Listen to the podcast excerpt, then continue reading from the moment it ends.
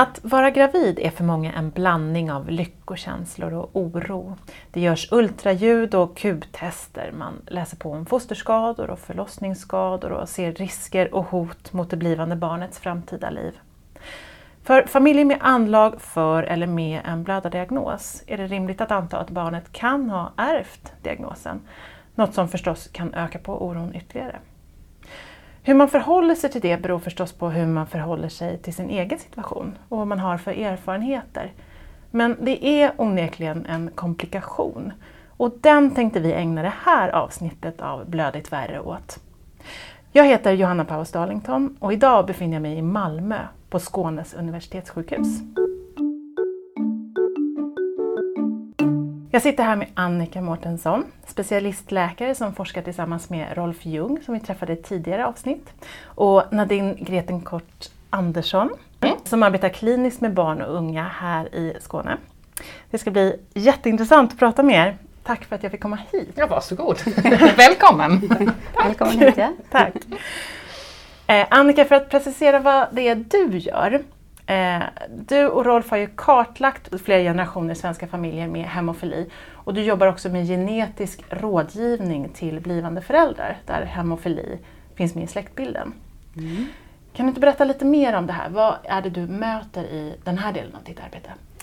Ja, det beror lite på var du börjar. Det ena det handlar om eh, du har en kvinna som kommer från en eh, familj eller släkt med känd blödarsjuka. Det är det första steget och sen nästa det är egentligen att veta, är hon bärare eller inte?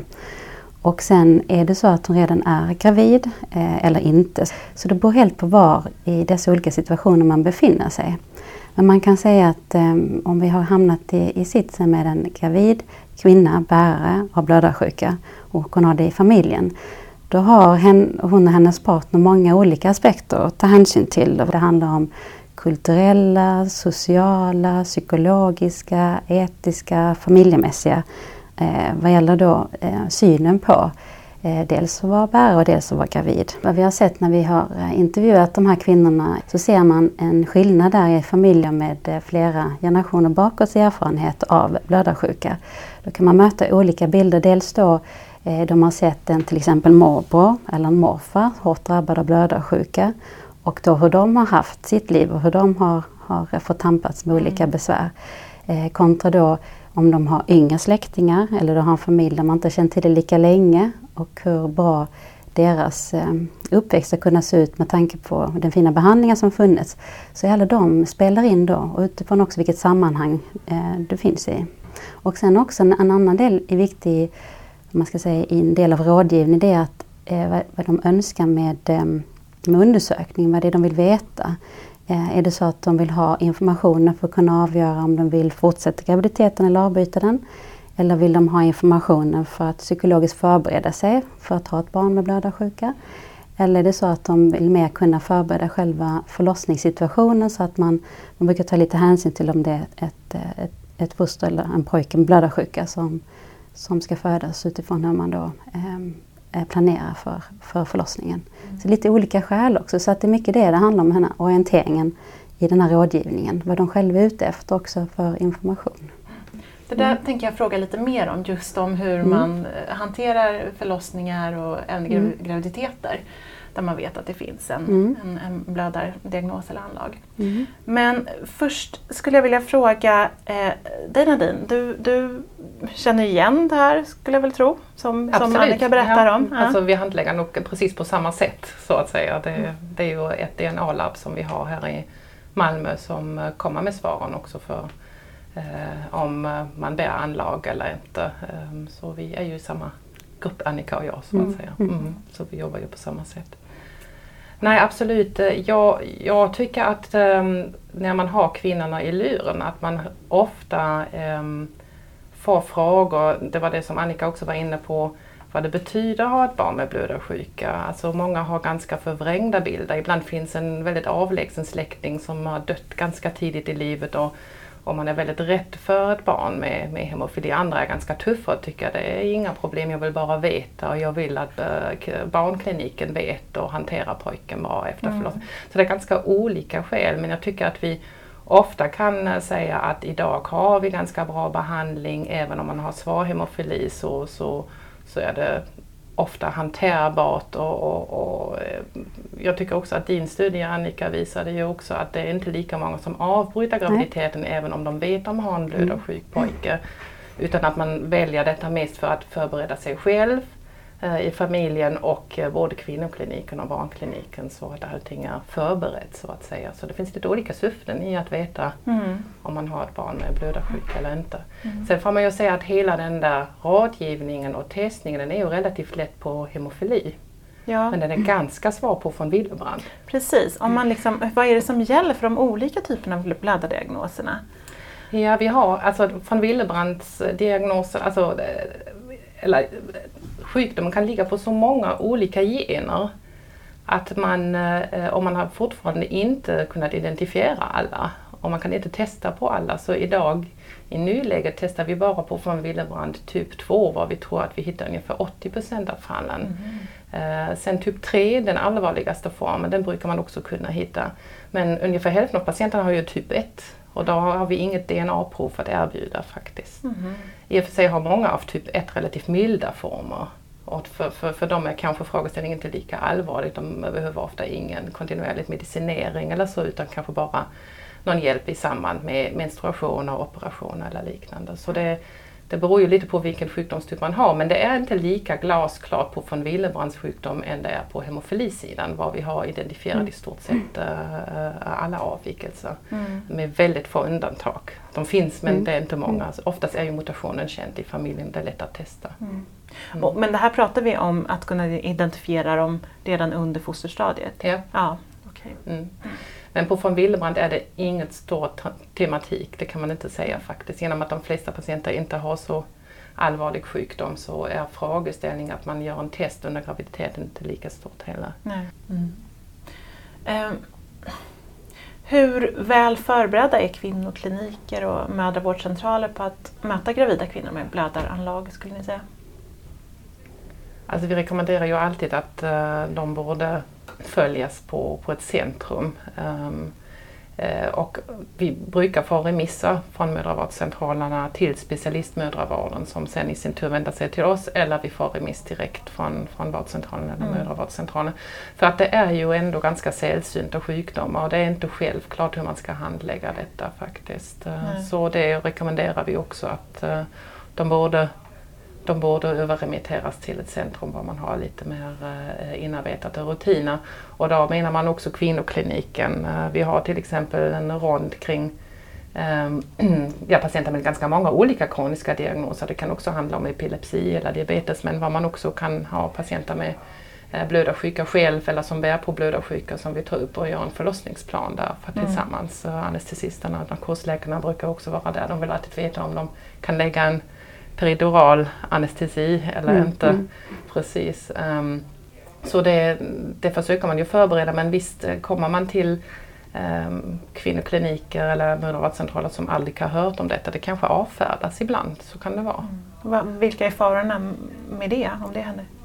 Alltså jag tycker, ha, egentligen är det ju så att alla pojkar med hemofili de tillhör ju en av de tre koagulationscentra i Sverige och det är ju Stockholm, och Göteborg och Malmö. Och, eh, vi har egentligen ganska bra koll på de familjerna tycker jag. Och meddelar då en av eh, mammorna att de är gravida så, så är nog allihopa på hygget tycker jag. Mm. Jag tror inte att de, de hamnar i ett läge var de inte får stöd eller inte får bra handledning.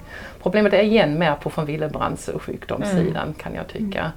Mm. Eh, där är det ofta så att man får en utredning kanske, alltså vi har nu många som har blivit utrett som barn för att kanske deras föräldrar har haft någonting. De har kanske utretts på 80-90-talet någonstans och sen har de inte haft jättemycket men ändå kanske lite mensproblem och så. Vi har inte sett dem sedan 80-talet. Mm. Och, eh, de har, ibland har de fått ett riskkod, ibland inte. Och kommer man då till en mödravårdscentral och försöka göra sig förstått vad det handlar om och, och bedöma om det behövs någon specifik handledning. Där kan jag tänka mig att det är svårare. Mm. bara för att knyta an till de här tre centra i Sverige. Det ingår också redan lite där när en familj, en patient kommer till att man på något vis informerar att det är till för hela familjen också. Så att det här med att många av kvinnorna i nära anslutning till en blödarsjuk är, har ändå att det finns liksom redan från början en acceptans att vända sig dit vid frågor så att man kan fånga in dem den vägen också. Mm. Ehm, och då ingår det också att kunna erbjuda någon form av sån här genetisk eh, rådgivning eller åtminstone ett samtal. Så att det finns nog ändå ganska många beröringspunkter. Det gäller bara att komma ihåg dem i rätt tillfälle. Där. Ja, just det. Eh, vad behöver gravida med en blödardiagnos för, för särskild behandling under graviditeten? Alltså det beror ju på hur allvarligt det är eh, och vilken typ av blödarsjuka det är och om det är en bärare eller om patienten har blödarsjuka själv. Um, om man tänker nu på hemofili och bärarskap så, så gör vi ju så att vi tar basal-nivåerna på kvinnorna och följer detta under graviditeten. Oftast tar man då prov i vecka, graviditetsvecka 30 någonstans så att det är lite tid kvar under eh, graviditeten för att reagera på detta. Och då ser man att de allra flesta, alltså kroppen är helt fantastisk där på hemofili A, de, de dubblar sina faktor 8 nivåerna till förlossningen. Så, så, så de allra flesta behöver ingen speciell eh, hjälp egentligen i samband med förlossningen. Men det får man ju säkerställa därför det finns ju undantag på detta. På hemofili B stiger man inte under graviditeten i sin faktor 9 och då, då är det mer sannolikt att man kanske måste hjälpa till med eh, medicinering plus att läkemedel vi använder rätt mycket vid milda hemofilier, vid von Willebrands, eh, eh, den funkar inte på hemofili B. Den ökar inte nivåerna så den möjligheten har man inte och då är man direkt in i faktorpreparat.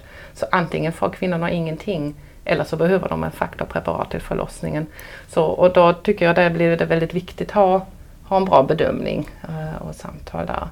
Eh, om kvinnan då själv är väldigt låga från början och det kan man ju vara både som bärare eller om man själv har en blödarsjuka så, eh, så då får man ju kanske kontrollera ännu mer under graviditeten och, och kartlägga ännu mer. Det som jag upplever som ett problem är egentligen kvinnor som har en blödarsjuka som har med blodplättarna att göra. Mm. Alltså varken hemofili mm. eller von Willebrand utan att de har blodplättar som inte fungerar som gör samma symptom egentligen som andra blödarsjuka, att man blöder helt enkelt. Ja. Um, för då har vi inte tillgång till bra preparat egentligen på samma sätt. Man kan ersätta trombocyter med trombocytkoncentrat kortfristigt. Men uh, vi har egentligen uh, mindre erfarenhet, mindre läkemedel plus att den gruppen är väldigt inhomogen med väldigt olika problem på sina blodplättar. Så de är inte så lätta att, uh, att uh, rådgiva under graviditeten och förlossningen tycker jag.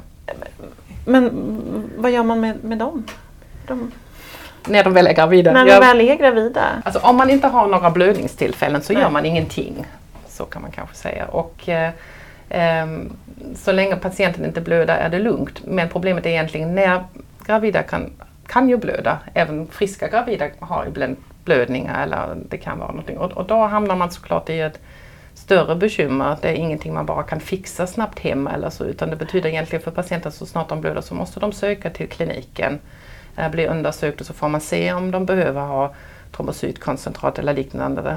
Um, så det, det, blir mer komplicerat och sen själva förlossningen är ju samma sak.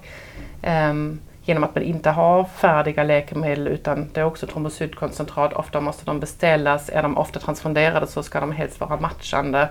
Um, det kan ju ställa till rätt mycket och då har vi gjort i alla fall i ett fall att vi har rått uh, kvinnan att, eh, eller ja, tillsammans med kvinnokliniken att man valde kejsarsnitt för att ha en klar planering mm. och kunna ha allting redo så att säga och inte ha kanske någon vikarie mitt på natten klockan två som ska förlösa en ganska komplicerad sjukdom. Ja. Um, så så det kan ju påverka absolut den sjukdomen, eller blödarsjuka med blodplättar, den kan ju absolut påverka vilken förlossningssätt man rekommenderar. Ja. Så det kan ju betyda ganska mycket. Mm. Och, och, men annars, när det inte är den typen av fall, så är det egentligen bara att man har en ökad medvetenhet, att man också förbereder inför förlossningen, håller koll. Precis, och ja. det är samspelet mellan patienten, oss, kvinnokliniken och barnkliniken. Ja. Mm. Okay. Mm. mm. Så det är inte omöjligt för barn som bärare. Ja, det är väldigt härligt. Och hur är, det när, hur är det med själva fostret under graviditeten? Behöver det någon särskild uppmärksamhet eller att man gör någonting och, även efter förlossningen? Mm. Eh, vad vi var inne på, de följs ju oftast, eller önskar vi, på specialistmödravård där man har lite tätare besök och lite lättare till att få komma till undersökning. Men annars är det samma med förlossningen där, att man eh, försöker då vid ett eh, eh manligt foster, eller man vet om att, att det, väntar, det väntande fostret har blödarsjuka, att undvika instrumenter.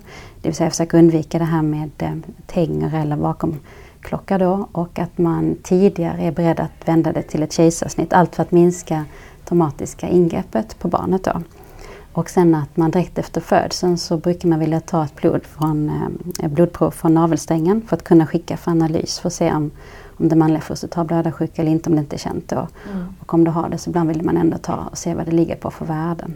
Och sen också får ju alla eh, nyfödda barn sån här vitamin K. Och då istället för att ge det intramuskulärt, det vill säga som injektion i, i muskeln, så får de det via munnen då också för att minska risken att de får ett större blåmärke på platsen. Så det är väl egentligen de som är de grundläggande för fostret. Då. Mm. Jag tänkte skalpelektroder avråder vi också ifrån. Det gör ju annars mm. ofta Men det här instrumentella. allt som är instrumentellt mm. och som, som uh, kan göra en blödningskälla, det vill man undvika. Och det är väl lite därför istället för att som i annan graviditet eller förlossning man valt att sätta en skalpelektrod så väljer man att gå över till ett kejsarsnitt istället om man nu är orolig för att barnet mår dåligt. Så att just det där att allt för barnet ska undvika blödningar. Mm. Och det som Annika sa att det är jätteviktigt att blodprov, då, om man nu vill ta ett akut blodprov, ibland kan man också vänta några månader beroende på hur allvarligt det är och så. Men att man då tar det verkligen i navelsträngen Precis. och inte mm. försöka ta en massa blodprover i det nyfödda. Mm. Därför då kan man verkligen sätta stora nya blödningar mm. faktiskt. Utan från navelsträngen det är ju enkelt och lätt och ja. mm. eh, den behövs ju inte längre så att säga, Nej. den delen. Mm. Så, så det är det som är rekommenderat för att ja, hantera så varsamt som möjligt och göra så lite som möjligt med mm. barnet faktiskt. Och sen förväntar vi oss i de allra flesta fall inte mycket problem under första levnadsåret egentligen med de pojkarna. Det är först när de reser sig, börjar gå och falla och krypa och så, mm. då, då börjar blåmärken mm. och problemen komma. Det finns såklart undantag på detta men man förväntar sig inte mycket problem under de första månaderna när de ligger snäll i sin mm. vagga egentligen faktiskt. Mm. mm. Om man har misstankar om att ens flicka kan vara en bärare. Mm. Mm. hur går man tillväga då? Eller vad händer då? Eh, det som man eh, brukar rekommendera då, eller att erbjuda i en familj med blödarsjuka, det är att flickan då inför pubertet, menstruationsstart, eller inför en planerad operation kan man gå in och mäta nivån på faktorn då som faktor 8 eller faktor 9 för att se vad hon ligger på. Men även om man skulle hitta en normal nivå där så är det viktigt att meddela familjen att det enda sättet säkert att veta att hon är bärare det är att ta den här eh, mutationsanalysen och då krävs ju det att den är känd i familjen då. Men det vill man vänta med tills eh, flickan eller unga kvinnan då är tillräckligt eh, säker på att veta vad, vad, undersökningen handlar om. Därför att det är lite den här etiken i det att det är inte föräldrarna som ska ta beslutet att ge flickan en diagnos utan då måste hon vara med i den diskussionen. Men att välja provet för att få en faktornivå det är inför eh, eventuell situation med blödning sist och det är där man motiverar det. Medan mutationsanalysen kommer senare. Mm. Mm. Jag brukar alltid okay. ta DNA-prov i barn åldern redan så. Det är lite emot det som Annika sa. Ja, riktlinjerna säger är, Ja, det är väldigt olika vad man, vad man tycker och tänker. Men jag upplever att när man har en faktornivå som är inkonklusiv och framförallt på faktor 8 kan den svänga väldigt mycket. Det är ibland skönt att veta hur det är. Mm. Man tar DNA-prov på så många andra sjukdomar. Man tar till exempel om man tolererar mjölk eller inte. Det är också ett DNA-prov. Mm. Det är ingen som ifrågasätter detta. Bara att man är väldigt medveten att detta är ett DNA-prov och det sätter någon sorts stämpel på barnet. Alltså jag tror medvetenheten är det viktigaste. Sen får man ju bedöma från fall till fall när båda prover är För det har inte slagit igenom med våra riktlinjer utan riktlinjerna eh, vill jag avvakta med DNA tills Ja men det finns också ett svar på detta faktiskt. Ja. nu har vi pratat väldigt mycket om det medicinska. Eh, möter ni föräldrar som eh, tampas med andra typer av känslor? Skuldkänslor tänker jag på eller ah, alltså vad mm. finns det för andra känslor? Som?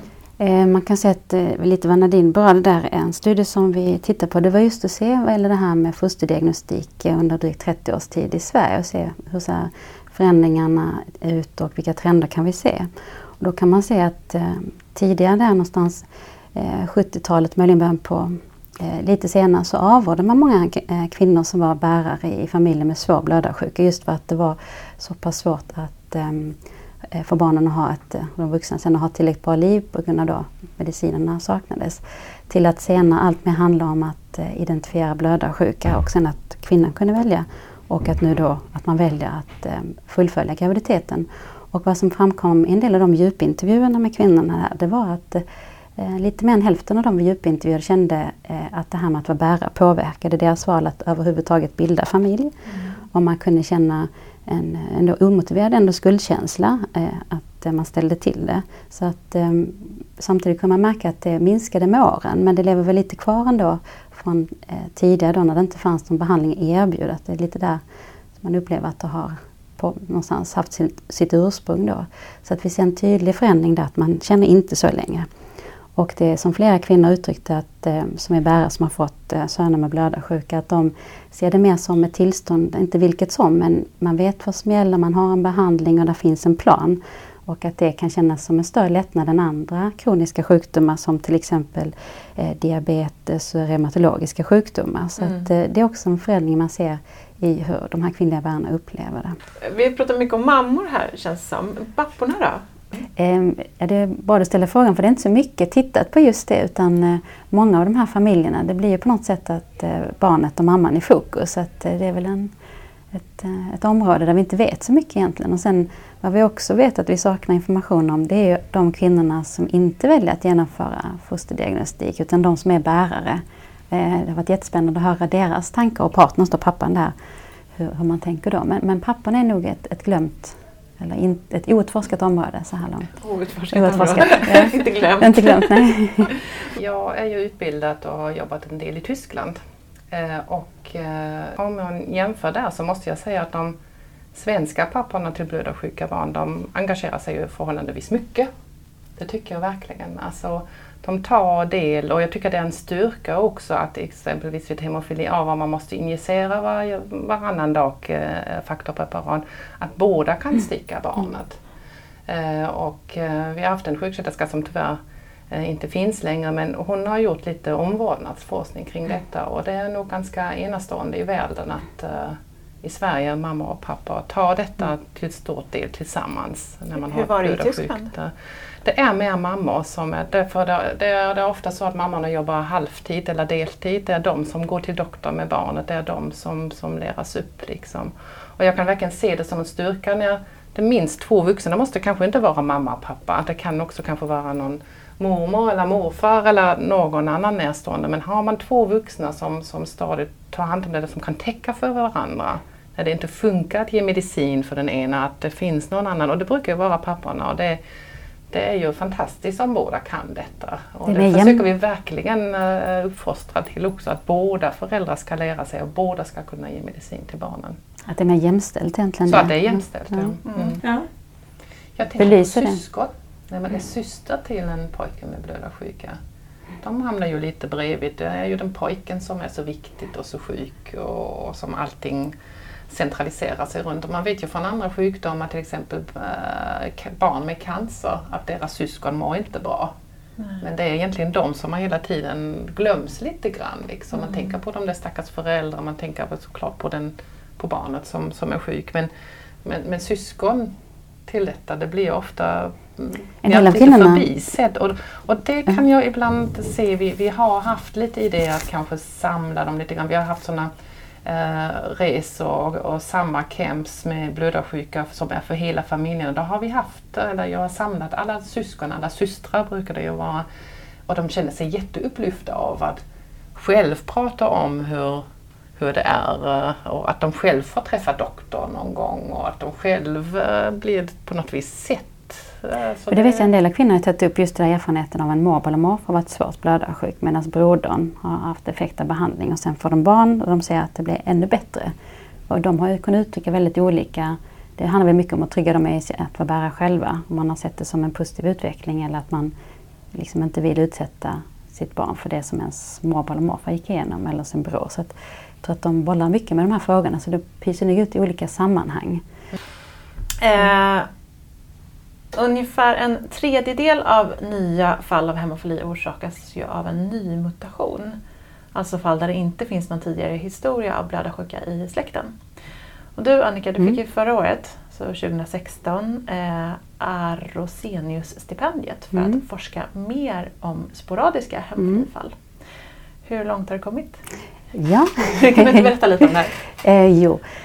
Det som väckte vår nyfikenhet var lite kring det här att um, du sa en tredjedel, ibland säger man ännu lite fler, upp till 40, ibland 50 procent. Det är lite olika och lite anledningen till att man har svårt att säga det, det är att i en tidigare studie vi gjorde så tittade vi på eh, hela mutationsspektret i olika delar av eh, bland de blödarsjuka.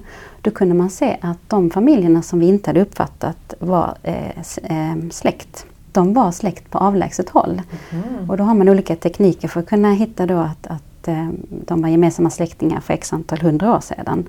Och det gjorde också att eh, då fick, man, fick, fick vi en liten annan syn på vad är de sporadiska familjerna eller fallen och inte då. Och det gjorde oss lite mer nyfikna just på att se de här sanna sporadiska fallen man kunde skilja ut då. Eh, var någonstans har den här eh, mutationen, arvsanlagsförändringen uppstått? Är det hos den här pojken som, som kommer till oss som den första patienten? Eller är det så att hans mamma är bärare?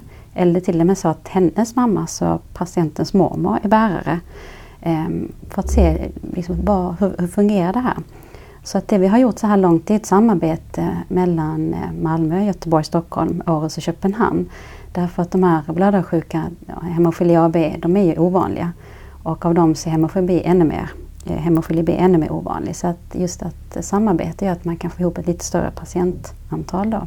Så vi har börjat inkludera patienterna. Det som en liten utmaning är att vi vill ha dem i tre generationer. Då. Mm. Så både patient, mamma, mormor och morfar. Då, så att man ska kunna se i vilken generation uppstod den här arvsanlagsförändringen. Och beroende på var den uppstod, att leta tillbaka och se kom eh, det här anlaget då från mormor eller morfar. Mm. Så att eh, vi är mitt uppe i det här. Mm. Ett riktigt detektivarbete. Ja, det är det. Ja, så det är ja. kanske lite mindre sporadiska fall, eller så nya fall än man tror. Mm. Precis. Bara för att familjen inte känner till att man har mm. hemofili mm. i familjen betyder inte att den är ny egentligen i familjens genmaterial om man har till exempel Precis. en avlägsen släkt. Och det vi också kunnat se det är att sådana här milda fall, att eh, då har man kunnat se att de har funnits i, i släkten flera hundra år tillbaks. Det är väldigt grova metoder man använder i och med att det är eh, data långt tillbaks. Men det har man sett och samtidigt att de här med allvarliga fall att det uppstått i de senaste generationerna. Så att det är en helt annan eh, förståelse för hur pass eh, de här blödarsjuka har arbetat, arbetat sig fram genom generationerna också. Mm. Forskningen går ju framåt och de barn som föds med blödardiagnos idag, hur ser deras framtid ut tror ni? Alltså som blödare och som eh, blivande föräldrar så småningom? Jag kan tycka att forskningen går ju framåt på hemofilisidan, ganska framåt. Eh, det finns ju första fallen med genterapi som är behandlade. Det är ju upp till 40-50 nu på hemofili A eh, och jag tror 60, 70, 80 på hemofili B. Så det är stora antal från ganska många olika forskningsgrupper med lite olika resultat får man ju säga. Men det, det är ju alltså lite av, saker där det har fungerat menar du? Ja, det har fungerat. Delvis kanske inte jättebra och inte långfristigt och så men, men man, man, man ser ju att kunskapen där ökar. Och, eh, Skulle man titta så där 30 år eller 40 år framåt så, så tror jag att det kommer vara en helt annan helt annat liv som en eh, blödarsjuk kommer ha då vad gäller hemofili. På von Willebrand och igen de där blodplättor blödarsjuka, där är jag inte lika säker. Det forskas inte lika mycket och det finns inte lika mycket läkemedel och, och hjälp att tillgå faktiskt på samma sätt. Men på hemofilisidan tror jag kan man vara optimistisk. Vi ser också med de långverksamma eh, faktorpreparat med faktor 8 9 att det underlättar ju ganska mycket redan framförallt på hemofili B. Var, jag har en pojke som tar, han tar en gång per vecka och har bra täckning och är på dagis. Han tänker nog inte så mycket på sin blödarsjuka överhuvudtaget faktiskt. Så, så det, det går ju framåt, absolut. Och det går säkert ännu mer framåt när forskningen går framåt. Nu är ju hemofili en lätt sjukdom säger genetikerna. Jag kan mm. inte se det själv kliniskt men genetikerna säger att det är lätt för att avvikelsen sitter egentligen på en ganska litet ställe. Så det är inte så att den är spridd på olika ställen där olika saker som samkommer utan man tror kan man reparera den lilla biten på arvsmassan så så är man ju frisk. Mm. Och genom detta är det ju ett föremål för till exempel genterapi eller andra behandlingar. Mm. Men där är, där är en del fall där man inte lyckas hitta en mutation, ja. eller den man mm. hittar kan inte riktigt motivera det fyndet man ser hos patienten. Så att där är forskningen också man försöker leta efter nya sätt eller mer omfattande sätt att hitta de här avvikelserna i, i arvsanlaget. Och sen är det också de kvinnorna vi ser eh, som eh, är fullt friska, får ett barn med blödarsjuka och sen vi kan inte se att hon är bärare och sen får en son till med blödarsjuka. Då är det någonstans det finns en mutation ändå och då är det också att man tittar på nya metoder för att försöka ytterligare finna liksom en, en ännu smalare eller lägre detektionsnivå för att se. Vi har uppenbarligen inte kunnat hitta det arvsanlager som hon, hon har för blödarsjuka. Så det är väl lite sådana saker som mm. är på gång mm. på diagnossidan också. Mm. Sen om man bara tittar nästa åren framåt så tycker jag egentligen man borde samordna mer ungdomsmottagningen med kvinnosjukvården, med hemofilisjukvården, vårdcentraler för att lindra ganska vardagliga besvär som till exempel menstruationer hos kvinnor. Det är ofta ganska det kan vara väldigt svårbehandlat men det kan ibland vara ganska lättbehandlat också. Egentligen någon mer ja, samverkan har det nog kunnat hjälpa ganska många på ganska lätt sätt faktiskt. Mm. Det tycker jag. Mm. Och jag tycker ganska många är omedvetna kring att man kan mäta sin mängd blod till exempel i bindor eller tamponger. Man kan sätta ett mått på detta och se är det normalt så mycket som jag har eller är det inte normalt. Så jag är förvånad över att inte fler kvinnor som har problem med blödningar, till exempel stora menstruationsblödningar, att, att det inte skickas med utredningar. Det är bara ett blodprov som är ganska lätt som kallas för blödningsutredning, vad man kan ta reda på om man eh, har låg faktorhalt av faktor 8, 9 eller von Willebrands faktor. Och det är också relativt lätt att utreda om man är en bärare eller inte. Eh, också detta med ett blodprov, så det måste inte vara en komplicerad lång utredning utan detta kan man ta reda på på ganska lätt sätt egentligen. Mm. Mm. Större medvetenhet där ute på mm. Mm. Eh, För alla och så. För alla ja. Mm, både patienter och sjukpersonal. Mm. Ja. Ja, ja, men det är det vi jobbar med här i Blödigt värre.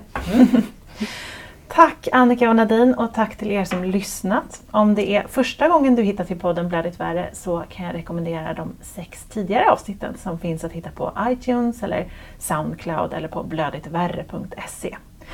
Du kan förstås hitta mer information om de olika diagnoserna på Patientföreningen Förbundet Blödarsjuka i Sveriges hemsida fbis.se. Om du har egna erfarenheter som du vill dela med dig av eller önskemål kanske om vad du tycker att vi ska prata om i kommande avsnitt, hör av dig till redaktionen.sverige.cslbering.com Alltså redaktionen.sverige.cslbering.com och Bering, där ska det vara ett H i mitten. Tack också till CSL Bering som gör den här podden möjlig. Producent för Blödigt värre är Estrid Bengtsdotter. Hej hej!